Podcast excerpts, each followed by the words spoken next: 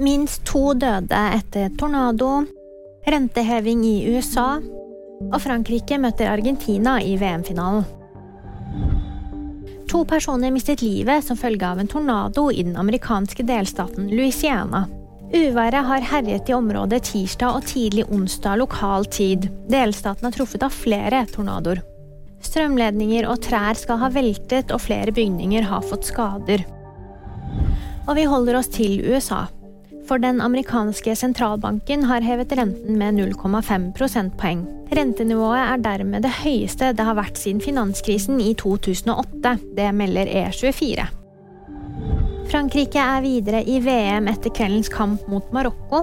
Theo Hernandez og Randa Colo Muani skåret ett mål hver, og kampen endte 2-0. Nå møter de Argentina i søndagens finale. Og VG-nyhetene de fikk du av meg Jammen Britgar.